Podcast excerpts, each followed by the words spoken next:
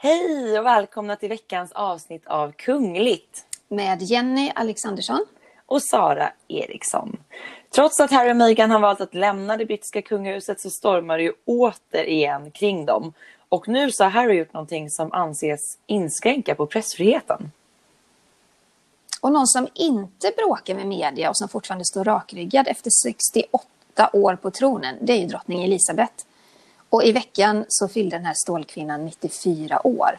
Och vad är det som gör henne så unik och fortsatt populär? Det ska vi prata om. Mm. För så är det ju. Vilken kvinna och så populär som hon är. Mm. Men att Harry och Meghan återigen är i blåsväder. Vi har ju pratat om det. Alltså här, hur mycket ska vi fortsatt kunna prata om dessa människor trots att de har lämnat det brittiska kungahuset? Men det tycks aldrig ta slut. Det tar aldrig slut. Och om man gör en liten recap så är det ju så här att eh, Harry och Meghan de lämnade kungahuset, flyttade till Kanada där de hyrde ett hus. Eh, men innan USA stängde sina gränser så flyttade de till Los Angeles, där de bor nu helt mm. enkelt. Mm. Och eh, min stora fråga som jag återkommer till hela, hela tiden. Det här paret, om de vill undvika paparazzis, inte vill ha uppmärksamhet. Varför flyttar de till Los Angeles? Men där känns det som det kanske är en än större sån kultur att det är okej med paparazzi-fotografer. Kanske mer skulle jag säga än vad man får känslan av att det är i Storbritannien. Att då välja att bosätta sig där, det väcker väldigt många frågetecken. Ja, nu vet vi att eh, Megans mamma Doria bor i Los Angeles. Men det är ju inte, alltså de, de, tänk, de kunde ju absolut tänka sig att bo ganska lång tid i Kanada och gjorde det. Eh, så om det bara handlar om att de vill flytta närmare Megans mamma så kan jag inte riktigt köpa det. Då kanske man kan hitta något annat ställe i närheten där det inte finns paparazzis i varje gathörn. Mm. Så på ett sätt så känner jag att det är så dubbla signaler hela tiden från det här paret. Mm. Och å andra sidan, jag förstår att hon vill vara nära sin mamma, men Los Angeles. Nej. Nej, men det jag inte riktigt förstår, för när man då ändå gick ut i början av året med uppgiften att de skulle lämna och så vidare, då var det ju väldigt tydligt att det var Kanada som lockade. Mm. Och där kan man ändå ha förståelse för ifall att de ville bosätta sig där. Det här huset som du nämnde som de hyrde, det låg ju liksom i, i skogen, eh, lite så ensamt. Eh, man kan tänka sig att där hade de ju verkligen fått haft en frizon om det nu var det de mm. saknade och behövde. Som är helt förståeligt. Men att liksom, det är ändå en väldigt stor kontrast med från liksom det här huset i Kanada till LAs myller. Ja, och nyligen så fastnade de ju faktiskt på bild när de gick på Los Angeles eh, gator. De hade munskydd på sig, de var klädda i fritidskläder och de delade ut gratis mat till behövande för en organisation som heter Project, Project Angel Food Charity. Mm. Um, och det var ju fina bilder, dock paparazzi-bilder. Uh, så de är ju fast i den här sörjan igen med att fotografer jagar ja. dem. Men där har ju också en... en del kritiska röster faktiskt sagt att det kan vara så att paret själv har varit med och arrangerat de här bilderna. Ja, det har gjorts en del analyser i brittiska tidningar att eh, de har kollat på kroppsspråk och att Meghan hela tiden tittar in eh, i kamerorna på många bilder och sådär.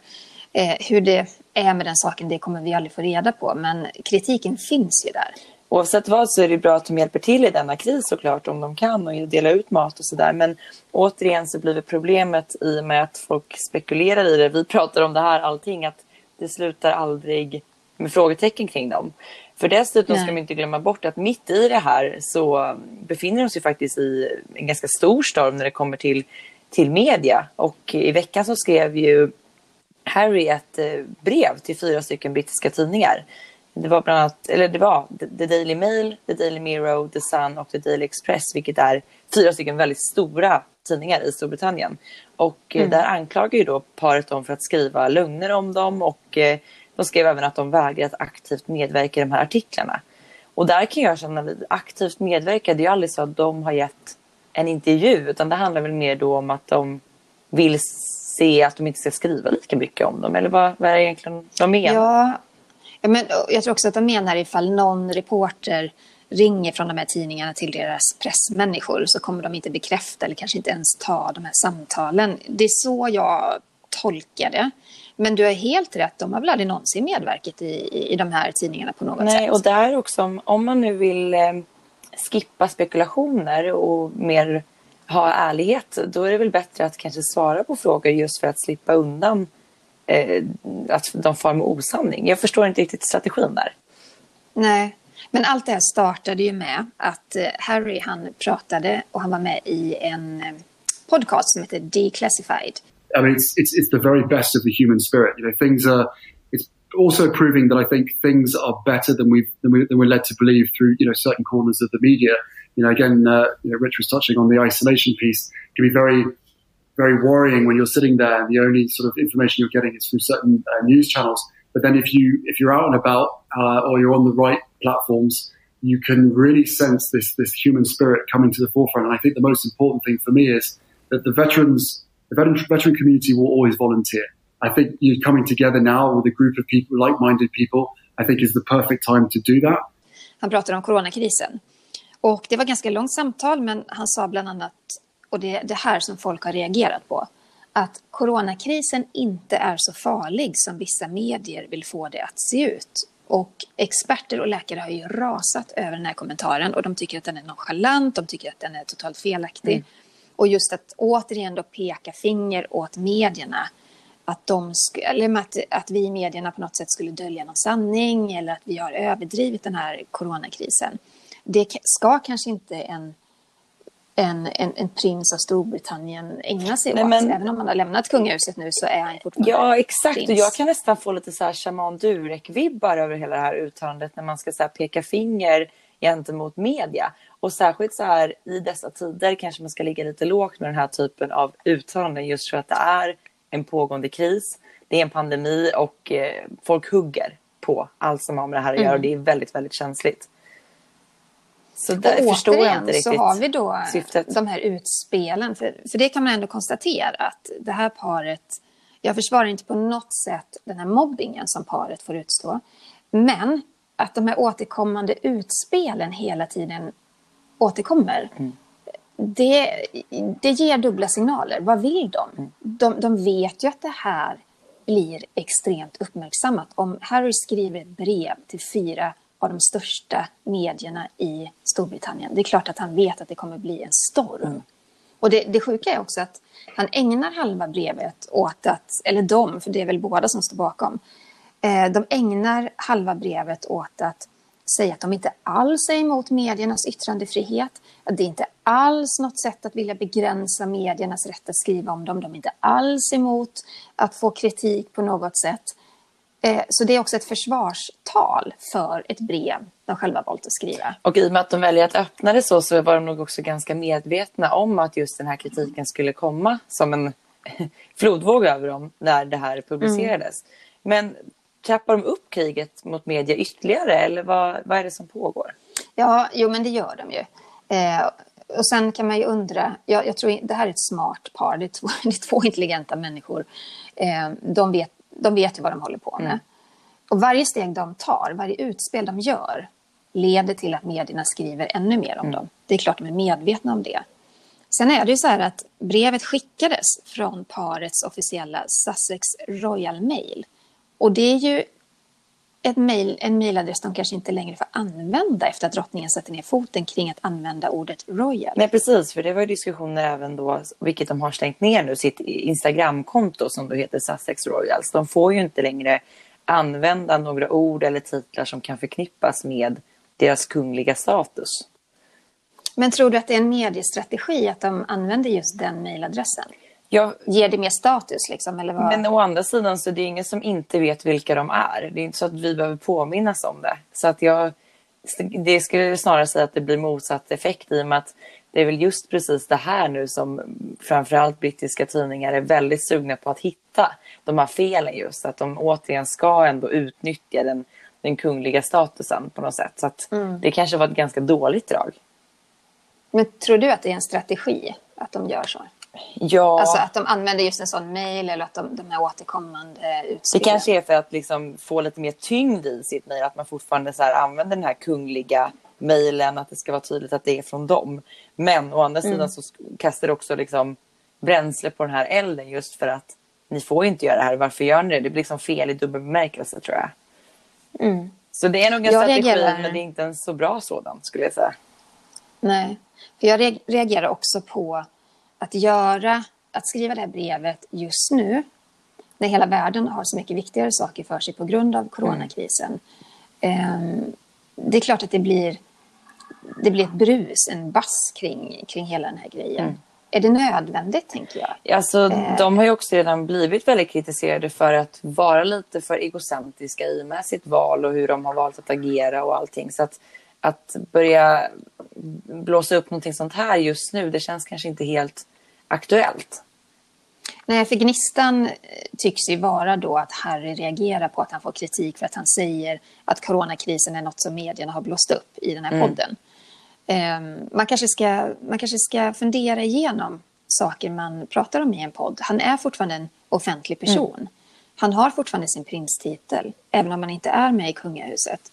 Uh, alla de här grejerna ja, men det, det, blir som en upptrappning på en konflikt som jag inte riktigt förstår hur de ska ta sig ur. faktiskt. Nej, för samtidigt så var ju paret väldigt så här på sitt, det pratade vi om tidigare i ett annat avsnitt, att nu i samband med corona att de ändå på något sätt ville sträcka ut en hand och, och vara en, en röst i det här och ge stöd till alla.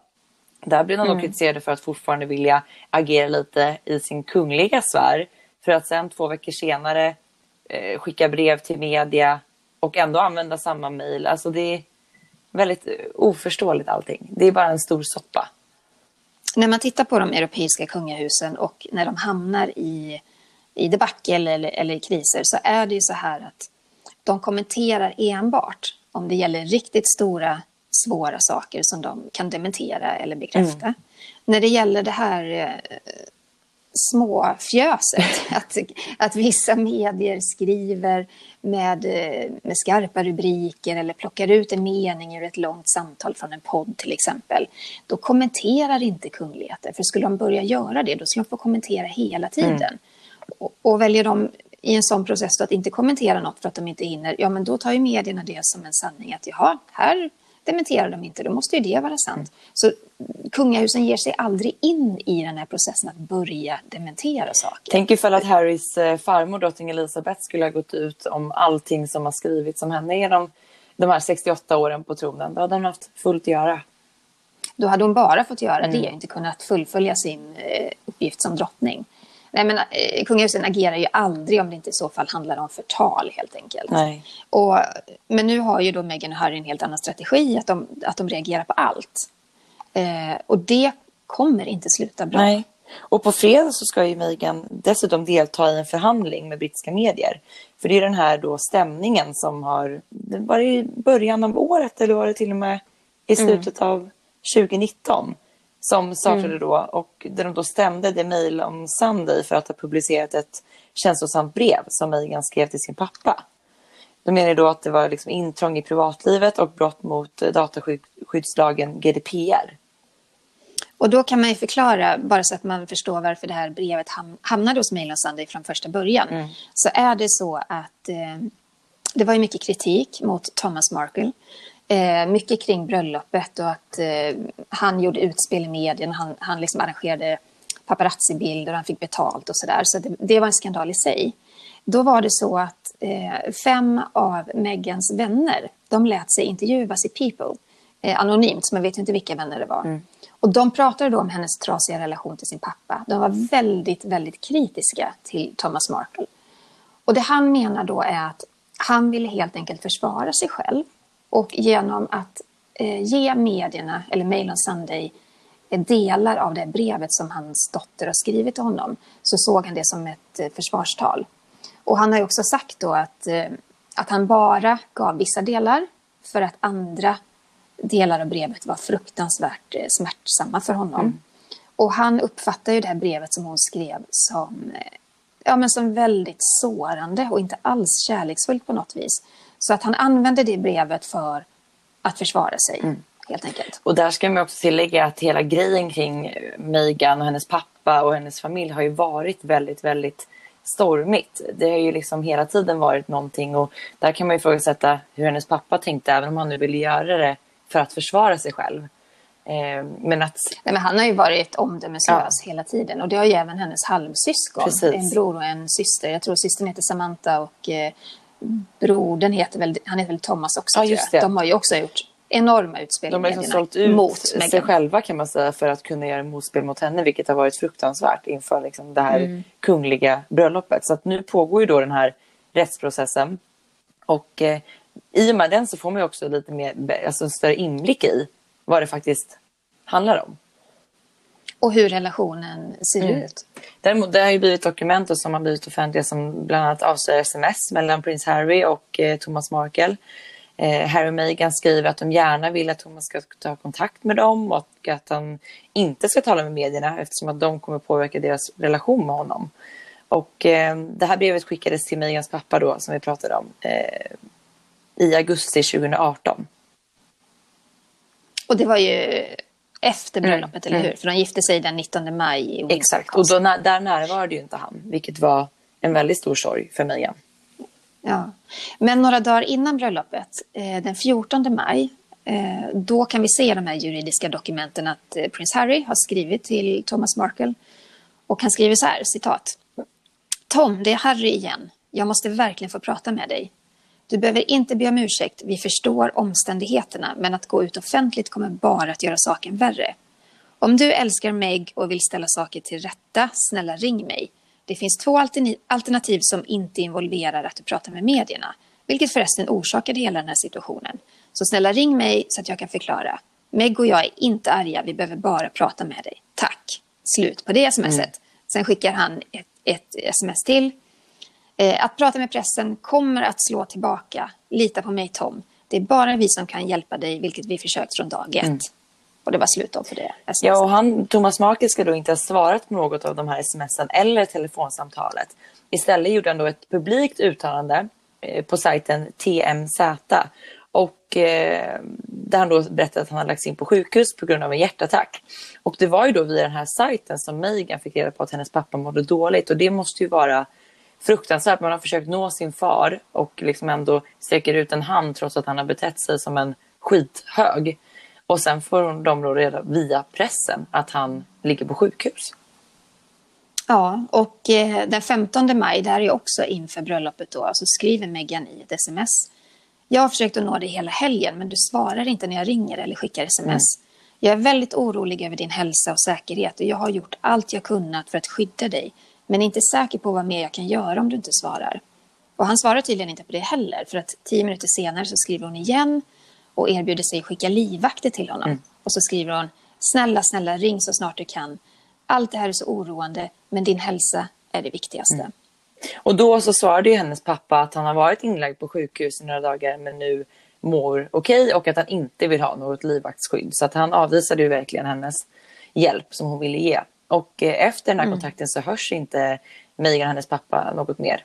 Och Men, då måste, men då måste vi också flika in här att det här är ju väldigt privata sms. ja, det är någonting man inte skulle vilja själv skulle bli det vill publicerat. man ju inte visa. Nej. Och då, summa summarum, då är det ju så här att eh, genom att stämma Mailand Sunday för det här första privata brevet Mm. så har ju det lett fram till att ännu mer privata detaljer kommer fram i ljuset och det tar aldrig slut. Och det, här, det, det är ju det här som kritiker har sagt till dem hela tiden att om ni går in i den här rättsprocessen, bara så ni vet, eh, det kommer leda till fler privata avslöjanden. Ja, och det måste de ha varit väl medvetna om själv eh, innan de tog det här steget. Så det är ett, det är ett hårt spel de, de spelar. Och de här dubbla signalerna, de har ju faktiskt uppmärksammats såklart av kungliga, kungliga familjen. Och eh, särskilt av prinsessan Anne. Hon är ju en smart, eh, kvicktänkt kvinna på alla sätt och vis. Eh, I en intervju med Vanity Fair som hon gjorde inför sin 70-årsdag snart då, så ger hon ett tjuvnyp till Meghan och Harry. Och hon nämner inte deras namn, men hon säger då att den yngre generationen kungligheter, de försöker uppfinna hjulet igen. Och jobbar på sätt som äldre generationer redan har testat och förkastat för att det inte funkar. Det är en ganska tydlig signal från hennes sida att här, se på historien och lära er av den istället. Ni, borde Ja, inte, verkligen. ni borde inte göra som ni gör. Även om hon, som du säger, nämner ju inga namn. Men man kan ju mellan raderna förstå att det är just Meghan och Harry hon syftar Mm. till där. Och ehm, nu vet vi också kanske lite mer om, vi har pratat mycket om så här, vad ska Harry och Meghan faktiskt göra när de har tagit det här beslutet. Och nu vet vi faktiskt lite mer. Megan har ju nu fått rollen som berättarröst i en ny dokumentär om elefanter som Disney står bakom. Och i veckan så var hon med i eh, Good Morning America för att prata om den här filmen. Och det här var ju då den första intervjun som hon gjorde efter att paret lämnat kungahuset. Och också Megans första skådisinsats efter att paret bröt med kungahuset. These creatures are so majestic and at the same time they are so sensitive and so connected. We see in this film just how remarkable they are. Their memories are amazing, the close connection of the herd, the protectiveness of their young. I think they're a lot more like us than they are different. Profits from the proceeds benefit Elephants Without Borders, a conservation organization both Meghan and Harry care deeply about. Meghan gracing the small screen once again, showcasing a pivotal journey which for now is complete. This must be pure heaven. Hope that when people see this film, they realize how connected we all are. And if we had more of an awareness about the obstacles we're facing, I think we'd take care of each other, this planet, and animals in a very different way. Hon säger att hon har haft tillfälle att uppleva elefanterna i sin naturliga miljö och att hon verkligen förstår att elefanter har en viktig del att fylla i naturen. Och citat, det är känsliga djur som är fantastiska. De har ett otroligt minne och de har en stark känsla för gruppen och att skydda de unga elefanterna. Mm. Nu återstår att se vad som händer mer. Man är också väldigt nyfiken på vad, vad Harry ska göra. Vad ska han hitta på? Alltså jag är väl mer orolig för Harry. Vad ska han fylla sin tid mm. med? Alltså han, som, som kunglig, arbetande kunglighet så hade han ju mycket på, på sitt schema. Eh, att befinna sig i Los Angeles, en stad han inte känner särskilt väl. Eh, jag vet inte. Och framförallt också, det är nog mycket lättare för Megan att luta sig tillbaka till det här livet i och med att hon faktiskt kommer ifrån det från början och kanske haft svårare i sådana mm. fall att anpassa sig åt andra hållet till det kungliga livet. Medan Harry är uppvuxen i det här och har liksom aldrig upplevt någonting annat. Så att... Nej, nu är det ombytta roller verkligen. Nu är det han som kanske kan få problem med att anpassa sig och hitta sin, sin plats i, i hennes Han måste hitta en helt ny roll. Eh, mm. Och det här kommer vi få följa och det är ju sannoliken inte sista gången som vi pratar om Harry och Meghan för det verkar aldrig ta slut på, på duster kring det här paret. Så är det. Och någon som inte bråkar med media och som heller inte ger några intervjuer det är ju drottning Elizabeth. Hon har haft ett väldigt tufft år nu med allt ifrån Mexit till Brexit, Andrew-krisen Två skilsmässor som skakat familjen och nu denna coronakris som drabbar oss alla, såväl i koja som slott. Och i veckan fyller den här stålkvinnan 94 år. Det är så man vill lägga in trumvirvel där, känner jag. Vi gör det. Ja, precis. Vanligtvis då så hyllas ju drottningen med 41 eh, salutskott. Men i år så valde Elisabeth själv att ställa in det. Mycket på grund av den rådande situationen. Jag kan tänka mig att det kanske inte är så härligt att börja skjuta eh, 41 kanonskott eh, när folk ändå är fulla av oro i, Men det i Storbritannien. här är en väldigt stor historisk händelse för det har ju faktiskt aldrig hänt tidigare under hela hennes regentid, 68 år. Nej, så är det. Det är första gången som det ställs in. Men mm. istället då så hyllades hon av nära och kära via Instagram och eh, säkert någon videokonferens med ja, familjen. Jag tänker mig. För hon sitter ju tillsammans med prins Philip på Windsor Castle och är i isolering där helt enkelt. Hon är ju i riskgruppen, 94 år gammal, så det är inte så konstigt. Och prins Philip är, han fyller 99 va? Ja, han fyller 99 år till sommaren så att eh, mm. de utgör absolut en riskgrupp så att eh, något privat firande blev det nog inte heller. Och drottningens firande Tropping the Colors som är en väldigt mäktig och härlig parad är även den inställd i år och det här är ju också någonting som är unikt att det ställs in. Det här är en tradition som sträcker sig hela 250 år tillbaka. Så ja. att väldigt, det måste vara tråkigt för drottningen. Två ja, och det, är också, det är också så att hon alltid firar sin födelsedag två gånger. Dels 21 april som är hennes födelsedag och så alltid andra lördagen i juni. Mm. Och det är ju efter kung George den andra, för han fyllde år i november. Och det är 250 år tillbaka i tiden som du sa. Han fyllde år i november. Men han vill ju såklart bli firad och hyllad av sitt folk när det var strålande ja. solsken och vackert väder. Inte någon så här novemberslask och folk skulle stå under några paraplyn. Utan de bestämde att nej, det får bli ett firande på sommaren också. Och det här är en tradition som har uppskattats av kungligheterna för den hänger ju i. Men mm. i år blir det som sagt inget firande av förståeliga skäl. Men den här kvinnan då, drottning Elizabeth, hon har alltså regerat som drottning i 68 år och hon var ju bara 26 år när hon äntrade den här stora och tuffa rollen som det innebär att vara drottning. Tired of ads barging into your favorite news podcasts? Good news. Ad-free listening is available on Amazon Music. For all the music plus top podcasts included with your Prime membership. Stay up to date on everything newsworthy by downloading the Amazon Music app for free or go to amazon.com slash news ad free. That's amazon.com slash news ad free to catch up on the latest episodes without the ads. Och det är spännande för att eh, drottning Elizabeth känns så otroligt självklar. Hon har varit med så länge. Eh, mm. Hon har ju upplevt generation, ja, inte generationer, men, men så många premiärministrar, så många kriser, eh, så många mm. händelser i världen. Men det var faktiskt inte tänkt att drottning Elizabeth från början skulle bli Storbritanniens drottning. Nej. För hennes pappa skulle egentligen inte ha blivit kung. Nej, utan Elisabeths far då, Albert, han föddes som andra son till kung George och Mary. Och det var ju egentligen hans storbror Edward som ändå skulle ta över kronan.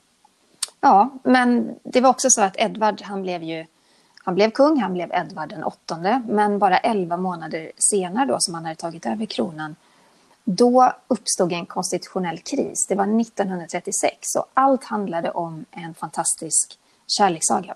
Han var fruktansvärt förälskad i den frånskilda amerikanskan Wallis Simpson. Men mm. hon hade då haft två män tidigare och som frånskild så fanns det inte en chans i världen att hon skulle kunna accepteras som drottning av Storbritannien. Det här var lite svårt att ta in 2020 men det var verkligen stenhårt och det fanns liksom inga undantag. Eh, Edvard för, för, föreslog också liksom att de skulle ha ett morganiskt äktenskap vilket skulle göra att Simpson inte blev drottning. Men det ville inte premiärministern Stanley att det skulle ske och det var även andra politiker som vägrade låta det här hända. Ja, Nej, men, och jag, jag kan tänka mig att eh, det var ju ett modigt förslag såklart. Mm. Att eh, han skulle fortsätta vara kung men ha henne vid sin sida utan att hon hade en titel. Men, eh, men jag tänker att Stanley Baldwin han följde såklart en successionsordning som fanns också. Mm. Eh, och Edvard VIII valde då att abdikera. Det var den 11 december 1936 och Edward och Simpson de gifte sig 3 juni 1937 och då var det en ja, men, lite mindre privat ceremoni nära Tours i Frankrike. Mm. Och drottning Elizabeth som vid den här tiden var tio år, hon fick ju nu då följa sin fars nya resa och uppdrag. För i och med att storebrodern valde att eh, helt enkelt hoppa av den kungliga tronen för kärleken så innebar ju det att han då skulle ta plats och bli kung. Och eh, i och med att han då blev kung så bytte han också namn. För att eh, Albert valde att som sitt kunganamn då ta samma namn som sin far och blev därför George. George den sjätte. George den sjätte, precis. Ja. Och det här är ju, jag kan bara tänka mig hur stort och omvälvande det här är för familjen. För de hade såklart planer för en helt annan framtid. Jag tror inte bara att det var glada miner att jaha, nu får du ta över här och axla den här rollen och det här ansvaret. Och det är fantastiskt för det följer massa privilegier. Det följer ju också otroligt mycket tyngd på de där mm. axlarna. Ja, men precis. Det hade varit en helt annan framtid för honom att bara alltså, leva som en bror till en kung såklart. Ja. Och det, det påverkar ju också då helt plötsligt hans äldsta dotter, vad hon gick för liv till mötes. Och hon fick ju också en helt annan barndom på grund av det här. Ja, men de satte ju henne i en sträng drottningsskola redan från tio års ålder. För mm. de, de fasade väl, eller såg väl också att eh, hon behöver all hjälp hon kan få för att kunna ta det här uppdraget i, i framtiden med ansvar och plikt som, som följer. Mm. Så hon följde då sin, sin far som blev kung och fick, eh, som du själv nämnde, gå i en hård skola. Och liksom, ja men allt vad det innebär vad man ska kunna som drottning. Och eh, när hennes far då vid 57 ålder eh, dog av lungcancer alldeles för tidigt så innebar ju det också att det var dags för Elisabeth att äntra den här rollen väldigt mycket tidigare än vad hon hade räknat med. Ja, och, ehm, och George VI han dog i sömnen på Sandringham. Och det var så här att eh, de hade en morgonritual som de alltid följde, att en tjänare brukade sätta på kranen i badkaret och det här brusande ljudet, det brukade räcka då för att väcka kungen. Men inte den här morgonen den 6 februari 1952. Eh, och man upptäckte då att eh, kungen hade somnat in. Och då använde de ett kodord och sådana finns ju fortfarande även alltså i flera europeiska familjer. Och kodordet för George VIs död det var Hyde Park Corner. Mm. Och eh, då följde man en bestämd tidslinje, ett händelseförlopp. Och den första då som fick eh, information om att kungen var död det var premiärministern Winston Churchill. Mm. Och den då 26-åriga Elisabeth hon befann sig i Kenya när det här beskedet kom. Hon hade blivit eh, ditskickad av sin pappa eftersom att det var en rätt infekterad relation mellan länderna. Och eh, hon åkte då ner till Kenya trots att kungen var mycket sjuk redan när hon lämnade London. Återigen då plikten framför allt. Men hon anade ju såklart inte att det var sista gången som hon såg sin pappa då hon reste i slutet av januari. Och eh, prins Philip han fick reda på det här dödsfallet av en lokal reporter på plats. Men han valde då att inte berätta det här för sin fru förrän på eftermiddagen. Då de tog en promenad tillsammans och eh, satte sig ner. Och då fick Elisabeth ta del av det här tunga beskedet. Och eh, då skrev hon också brev till alla arrangörer och eh, prominenta människor eh, om att hon, som hon då skulle ha träffat i Kenya för att be om ursäkt för att hon inte för att hon då ställde in resten av resan. Och det säger kanske också ganska mycket om hur viktigt och hur stor alltid de här uppdragen har varit för henne. Allt hade ju varit förlåtet om hon bara hade valt att åka därifrån. Mm. Men det är ju, alltså jag tycker att det här med plikten har ju följt henne i alla år. Och det är mm. också så att ingen utomstående såg henne gråta. Utan hon agerade som en lugn och samlad drottning redan från dag ett. Och eh, det var också så att när hon lämnade det här hotellet, jag har för mig att Filip och hon var ute i, inte i djungeln, men, men de var på något eh, avlägset ställe. Och när hon lämnade det hotellet, då fanns det en viss presskår samlad. Men mm. faktum är att ingen tog en enda bild av den här sörjande drottningen på hennes egna order. Och det är fantastiskt att man kan, att, att medierna höll det mm. på heder för henne. Det kanske sett annorlunda ut idag. Kanske. Mm. Men det är verkligen av respekt emot henne och den situationen och hennes far såklart. Mm. Och man upptäckte då på resan att den här svarta dräkten som alltid följer drottningen på hennes resor och ifall att någonting så här hemskt skulle hända under tiden hon är borta och hon då behöver bära sorgekläder, den fanns inte med i packningen. Men då fick helt enkelt eh, en hovanställd i London komma till flygplatsen och möta upp där så att hon kunde byta om innan hon lämnade flygplanet. Och det var såklart en oerhört tuff tid för henne. Men eh, 1953 då stod hon i Westminster Abbey och hon skulle krönas till drottning. Eh, det var otroligt pampigt, nästan intill overkligt sagolik ceremoni. Och den tv-sändes också, eller hur? Ja, precis. Och där bar hon ju också den här Imperial State Crown som hon i efterhand har berättat om i intervjuer att den är fruktansvärd att ha på huvudet på grund av att den är så otroligt tung. Och då gäller det att hålla huvudet i balans tänker jag. Och inte ja precis, ha en stark nacke och som hon sa det gick inte så här att böja ner eller titta ner lite i något papper utan för man ska hålla tal utan blicken, blicken upp. framåt, blicken upp och rakryggad för att inte tappa det här praktverket på huvudet. Men som du sa så tv-sändes ju också den här kröningen och det var ju också en del i att på något sätt börja på lite, lite, lite så här modernisera det mycket konservativa brittiska kungahuset. Så det var liksom egentligen det första steget och någonting unikt som hon gjorde i sin roll som drottning, endast 26 år gammal.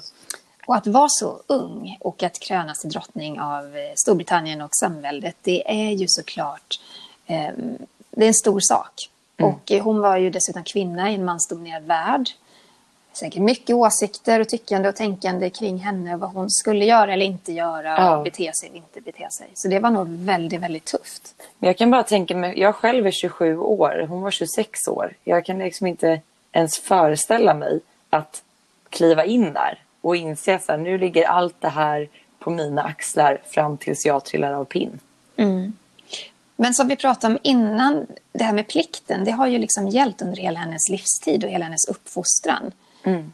Och hon har ju fått utöva plikten då eh, vid flera svåra situationer. Jag tänker främst på när hennes syster Margaret ville gifta sig med överstelöjtnant Peter Townsend. Han var ju en före detta anställd till, till Margaret och Elisabeths pappa.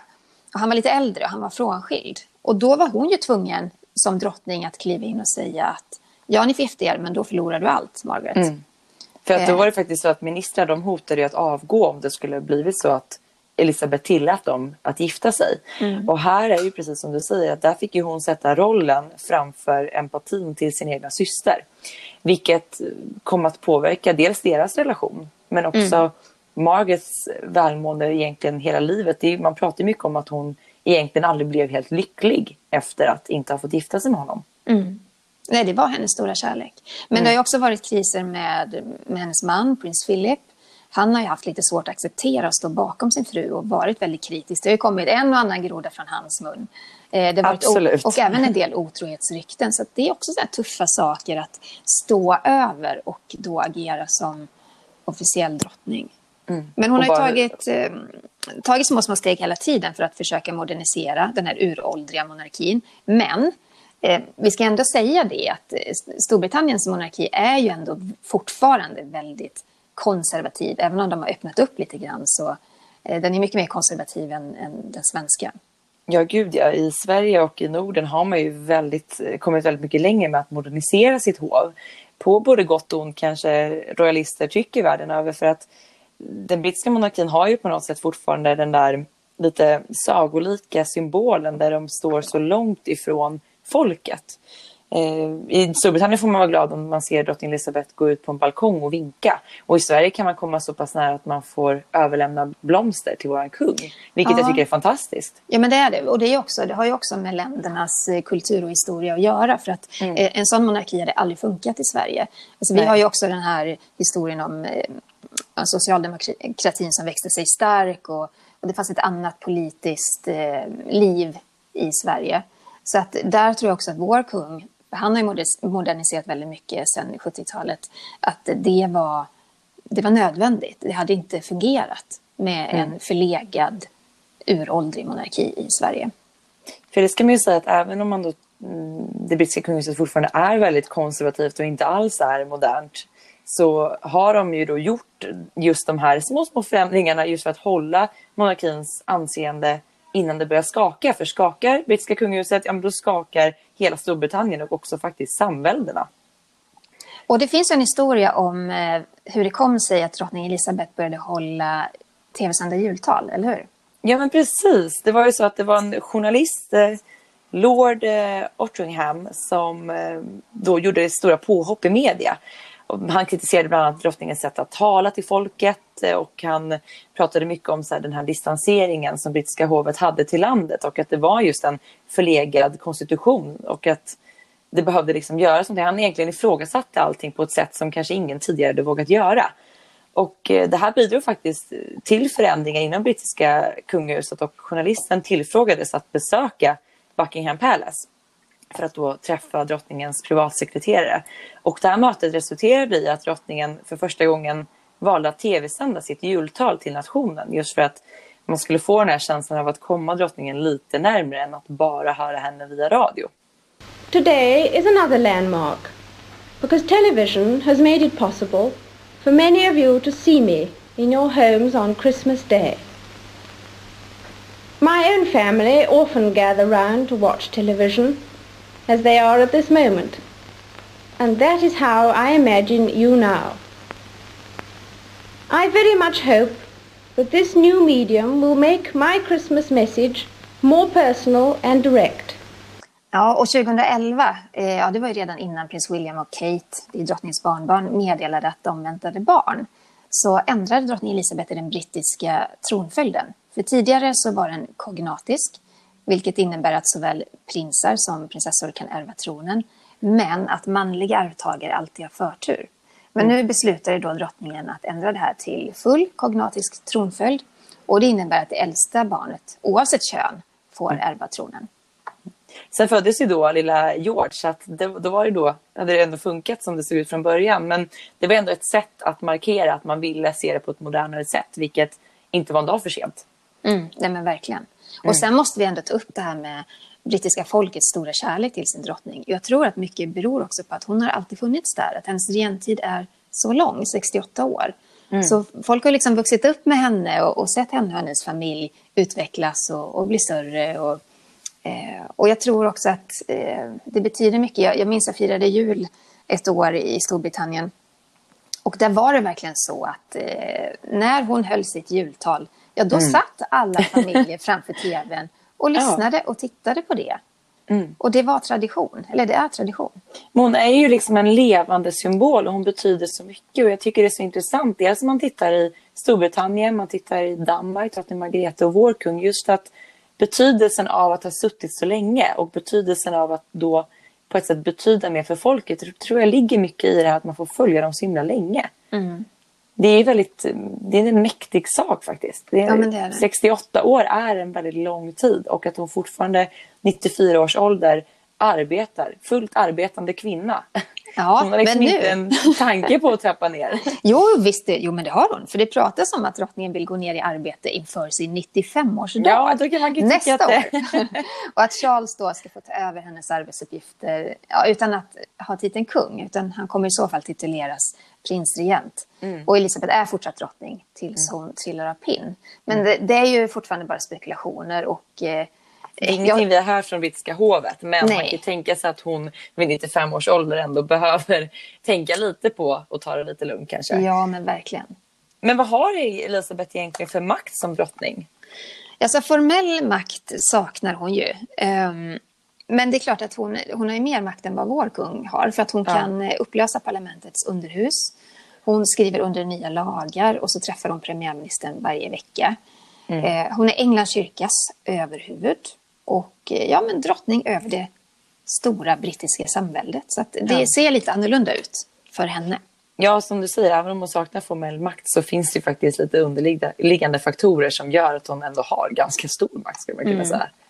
Men hon är en väldigt mäktig kvinna och med tanke på att hennes mamma blev hela 101 år så har ju drottningen mycket kvar att ge. Och det är väl tur det. Man ser ju nu till exempel i tider som denna av kris så betyder de ju än mer just för den här samlade och enande kraften. Och bara att 24 miljoner människor tog del av drottning Elizabeths tal live, det säger ganska mycket om hur mycket hon betyder. Så är det. Och Sara, nu ska vi lämna Storbritannien och drottning Elizabeth en liten stund. Eh, för vi ska ta tre korta kungliga nyheter. Mm, det Eh, gillar vi. Och eh, den första handlar faktiskt om Saudiarabien. De har ett enormt stort eh, kungahus. Det finns hur många prinsar och prinsessor som helst. Vi ska prata om den saudiska prinsessan Bashma. För hon har inte setts till sedan mars 2019. nej, 2019. Och hon sitter faktiskt i fängelse, eh, i ett högsäkerhetsfängelse. Och har nu vädjat om att bli frisläppt. På, mycket på grund av eh, sin hälsa. Och hon är då en 56-årig affärskvinna och anledningen till att hon är fängslad det beror på att hon eh, kritiserade Saudis krig i Jemen och krävde en reform av monarki. Och eh, i och med det uttalandet så åkte hon in i fängelset och eh, hon fängslades när hon var på väg till Schweiz för att få sjukvård av någon anledning. Och förra veckan då så publicerades ett brev på Twitter där hon ber om att bli frisläppt. Och eh, hon skriver bland annat att hon riskerar att dö om hon är fortsatt fängslad.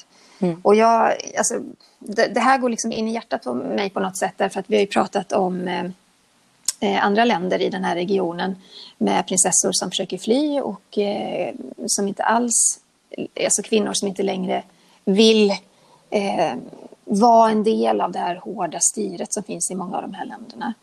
Och jag har ju besökt Saudiarabien. Jag reste med kronprinsessan där.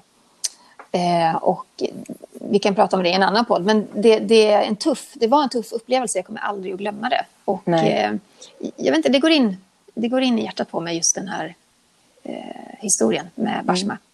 Vi får fortsatt följa den och se hur det utvecklas och hoppas såklart att hon får gehör för det hon nu har publicerat och att hon får den hjälp som hon är i behov av. En annan tråkig nyhet som inträffat är att kungen har förlorat en vän i sviterna av eh, covid-19. Då pratar vi alltså om vår kung, Carl Gustav. Det är eh, diplomaten, för, företagsledaren tillika vännen då, Erik Belfrage. Belfrag. Mm. Belfrag. Han har omkommit i sviterna av covid-19 och eh, de har tillbringat väldigt mycket tid tillsammans, han och kungen. De har bland annat eh, gjort statsbesök tillsammans i utlandet och de har jagat mycket. Och eh, han har även suttit i styrelsen för Hans Majestät Karl XVI Gustavs pris till årets eh, nybyggare. Och sen är de ju nästan exakt lika gamla. Båda födda i april 1946. De gick i skolan tillsammans på, i Sigtuna.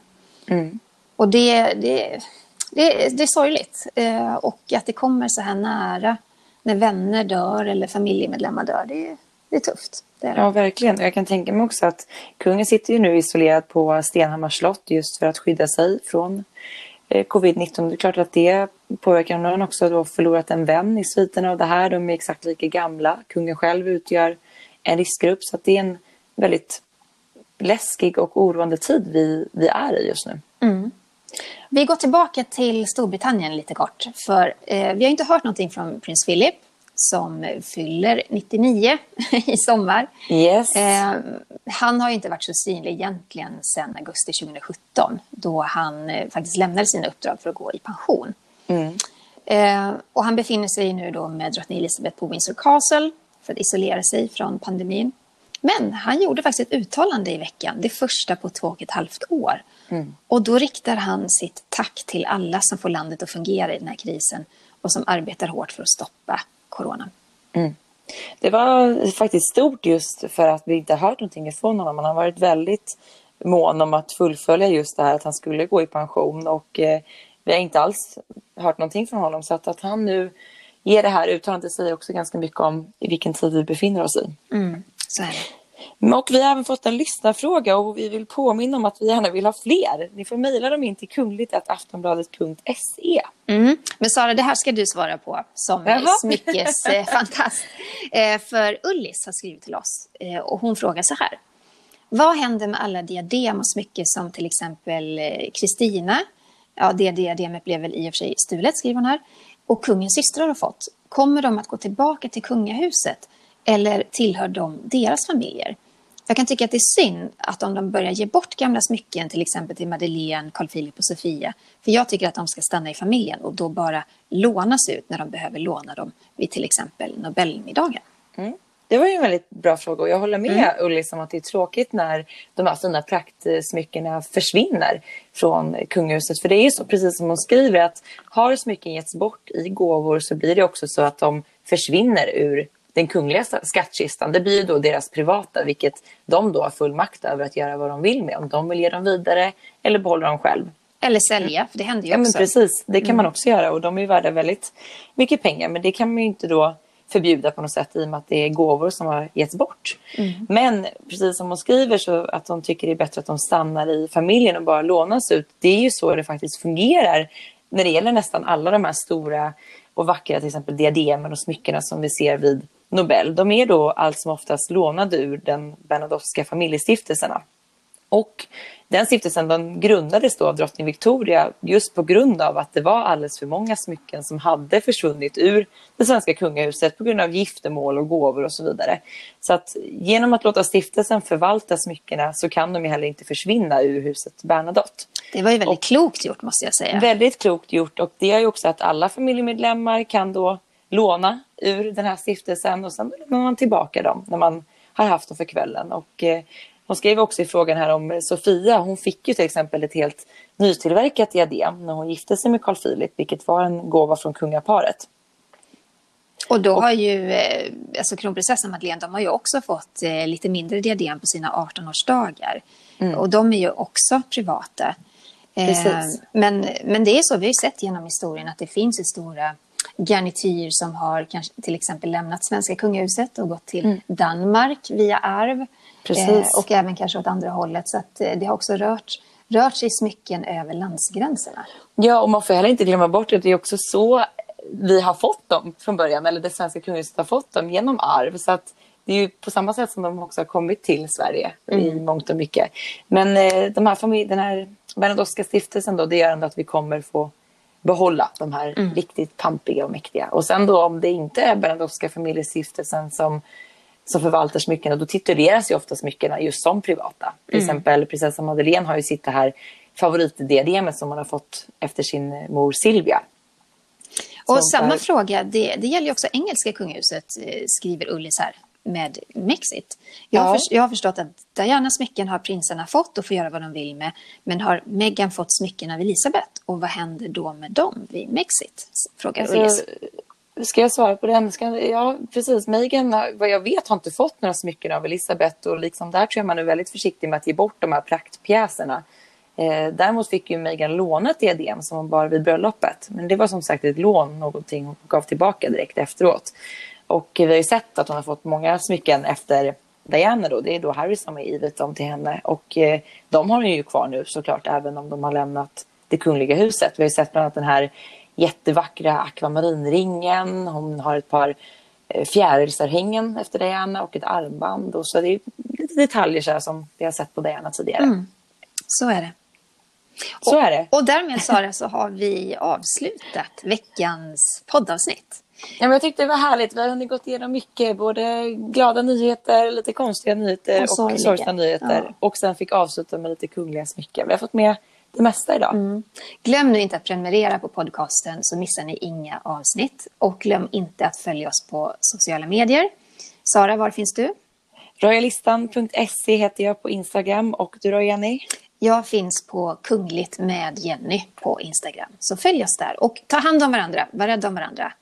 Ta hand om varandra så hörs vi igen nästa vecka. Hej då! Hej då!